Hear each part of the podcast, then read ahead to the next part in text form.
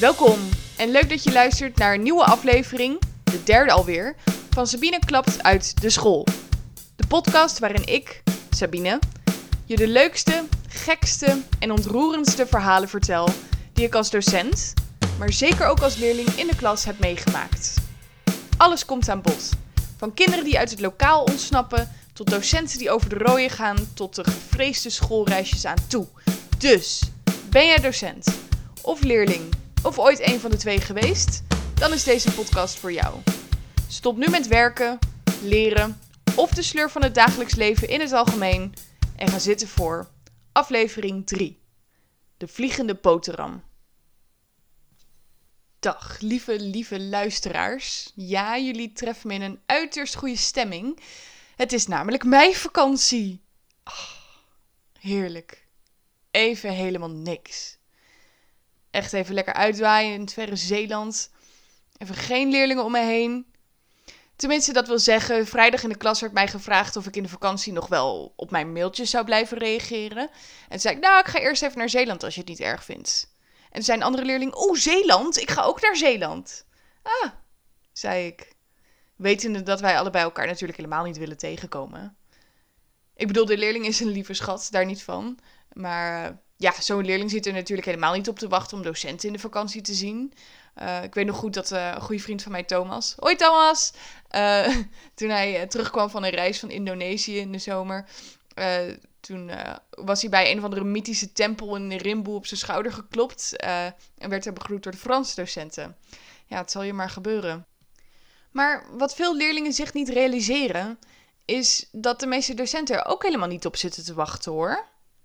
Ik heb genoeg collega's die op zondagochtend brak naar de supermarkt gaan op hun slippertjes.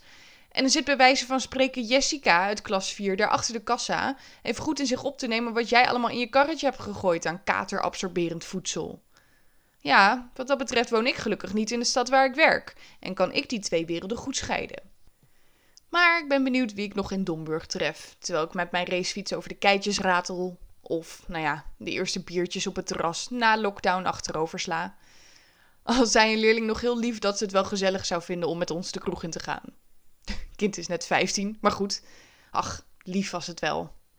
Na aanleiding van vorige aflevering, die over mevrouw Vogel, heb ik een aantal leuke luisteraarsreacties gekregen. En eigenlijk de leukste vond ik die van mijn eigen moeder. En die wil ik graag met jullie delen.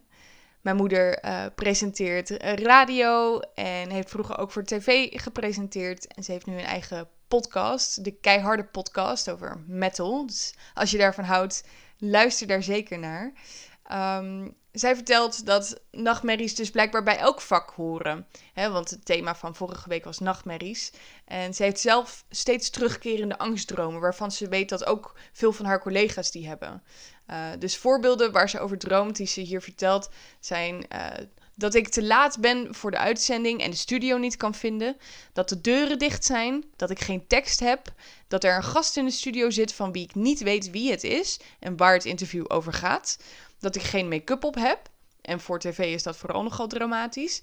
En vooral die ene droom. Dat ineens blijkt dat ik voor de camera zit zonder kleren. Volgens een psycholoog heeft het met kwetsbaarheid te maken, zegt ze. Maar hoe dan ook is het doodeng. Daarbij zegt ze: Overigens zijn sommige van die nachtmerries ook uitgekomen. Zoals geen teksten of een onbekende gast. Het naakt nog niet. Ik klop het af. Ja, nou ja, wat dat betreft is radio weer beter dan tv. Dus dat, dat ligt er maar net aan. Maar goed, laten we hopen dat die het niet wordt, inderdaad. Maar het laat wel mooi zien dat we allemaal die nachtmerries over werk hebben. En soms kunnen dat dus juist verschillende nachtmerries zijn bij verschillende vakgebieden. Of juist nog steeds dezelfde nachtmerries over andere vakgebieden. Dus in die zin verbindt dat ons allemaal. Dus dat is uh, een mooie aanvulling op de aflevering van vorige week. Maar goed, over naar de aflevering van deze week. De vliegende boterham. Vorige aflevering benoemde ik een begrip waar ik nu graag op wil terugkomen. De escalatieladder. De escalatieladder is iets wat elke docent moet kunnen toepassen om de klas onder controle te kunnen houden. Zonder escalatieladder escaleert de boel. Dat is makkelijk te onthouden, toch? De escalatieladder is jouw reactie op het gedrag van een leerling. En dan vooral dus wanneer de leerling druk of vervelend is. Dus eerst werp je bijvoorbeeld alleen een blik. En als dat niet werkt, noem je de leerling bij de naam. Daarna geef je een waarschuwing, dan zet je de leerling apart en dan eruit. Nou, nu heeft elke leraar hierin zijn of haar eigen stijl. En dat is helemaal prima. Zolang de leerling zelf ook maar snapt, ten eerste wanneer hij of zij die grens overgaat. En wanneer die dat dan vervolgens heeft gedaan. En ten tweede ook vooral wat de consequentie zal zijn als hij of zij dan die grens overgaat. Dus wat voor nou ja, straf wacht er dan op hem of haar? Als je dat dus helder communiceert, dan ben je als docent consequent en duidelijk. En dat vinden leerlingen heel fijn. Want dan weten ze waar ze aan toe zijn. En nu klinkt dat makkelijk genoeg.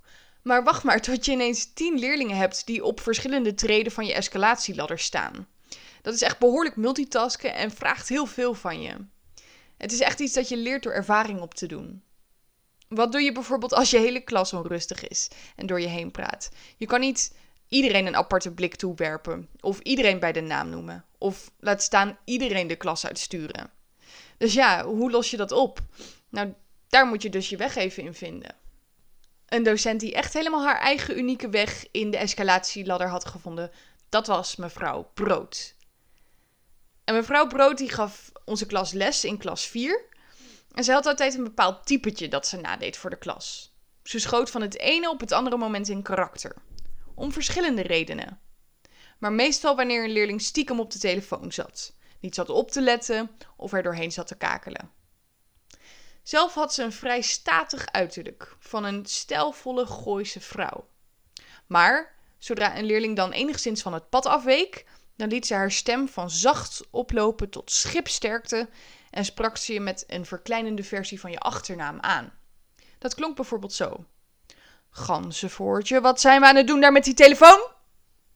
En soms als ze haar woorden extra kracht bij wilde zetten, dan boog ze haar hoofd en nek naar voren en dan hief ze haar armen in de lucht.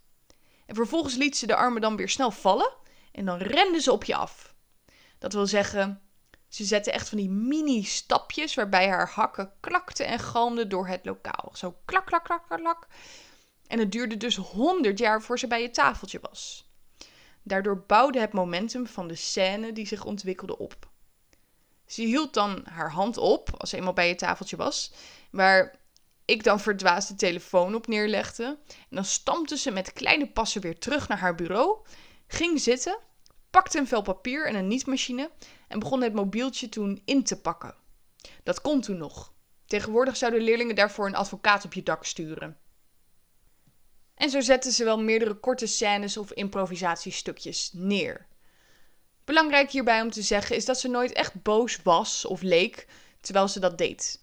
En daarnaast voelden leerlingen zich ook even zodanig verbaasd of onder de loep gelegd dat ze vergaten de discussie aan te gaan. Hoewel er dan dus wel een hele scène was neergezet, vonden er geen ruzies plaats. En misschien vraag je je af of dat niet was omdat leerlingen bang voor haar waren. Ja, misschien soms wel, dat kan ik niet voor iedereen zeggen. Maar ik denk van niet. De sfeer in de klas was ontspannen en nooit vijandig. Het enige waar leerlingen denk ik bang voor waren, en als ik uit eigen ervaring spreek, was om noodgedwongen mee te doen aan een audience participation improvisatiespel.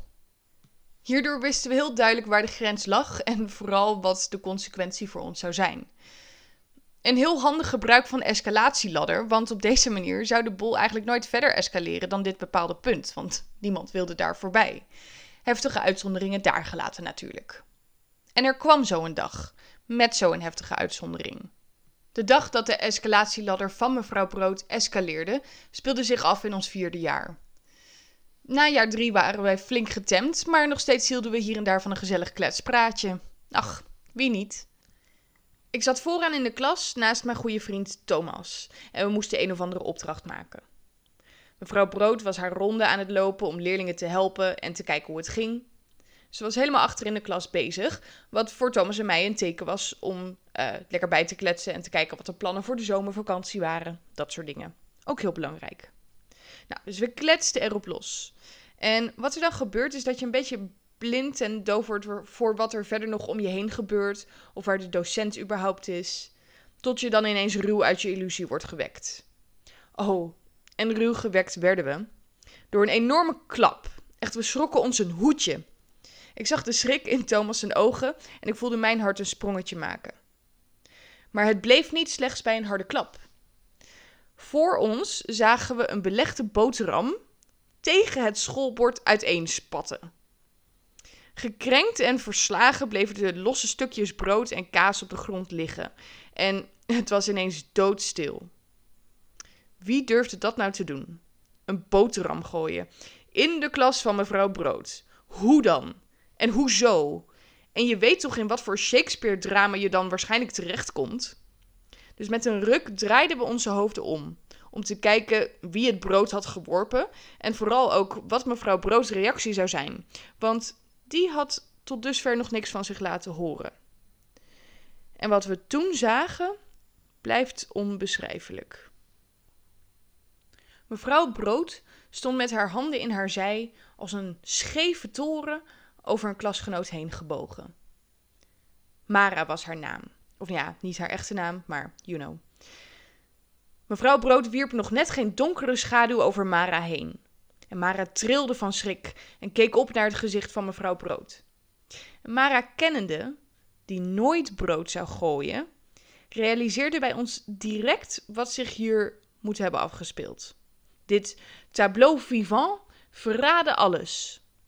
Mara had stiekem brood zitten eten tijdens de les, zoals ze wel vaker deed. Mevrouw Brood had dit ontdekt, het brood afgepakt en zelf tegen het bord aangesmeten. Niemand van ons wist hoe we hierop moesten reageren. Ik bedoel, het was hilarisch, maar door te lachen zou je jezelf in het toneelstuk betrekken. Niet slim. Klappen voor het optreden dan? Nee, ook niet. Mevrouw Brood verbrak uiteindelijk zelf de stilte door te zeggen: Dubois. Bij de achternaam, hè? Dubois, ga maar achter het schoolbord staan. Arme Mara, van 17 jaar oud, stond met de schrik nog in haar ogen op en liep als een soort dead man walking naar de hoek van de klas. We hadden zo'n schoolbord dat twee kleppen heeft aan weerskanten, waardoor het bord open en dicht kan. En achter een van die openstaande kleppen ging Mara staan. Haar dunne benen en gekleurde all-stars staken er wat verdwaald onderuit. Dit was al vaker voorgekomen. Dat leerlingen achter het schoolbord moesten gaan staan. En gek genoeg, hoe ouder de leerlingen werden, hoe creatiever en gekker de straffen van mevrouw Brood ook werden. Maar het was mevrouw Brood deze keer echt te bond, blijkbaar. Gek genoeg lag dus bij eten in de klas een nieuwe grens die we net ontdekt hadden. En hier kwam zo te zien een nieuwe theatrale straf voor te staan. Dubois, dit is niet goed, zei ze. Ik kan je nog steeds zien. Ga maar achter de kast staan. Een paradoxale straf dus, waarbij je aan de ene kant het theater opgegooid werd, maar door juist achter het decor te verdwijnen. Interessant. Mara deed wat stappen opzij, zodat ze precies in de hoek tussen de twee lokaalmuren en de hoge archiefkast kwam te staan. Mevrouw Brood liep naar de kast en deed een van de deuren wijd open, waardoor arme, arme Mara ingesloten werd door muren, kast en kastdeur. Zo, waar waren we gebleven? zei mevrouw Brood, terwijl ze weer rustig aan haar bureautje ging zitten. En toen kwam het moment dat de kastdeur piepend en knerpend weer dicht viel en Mara langzaam weer zichtbaar werd.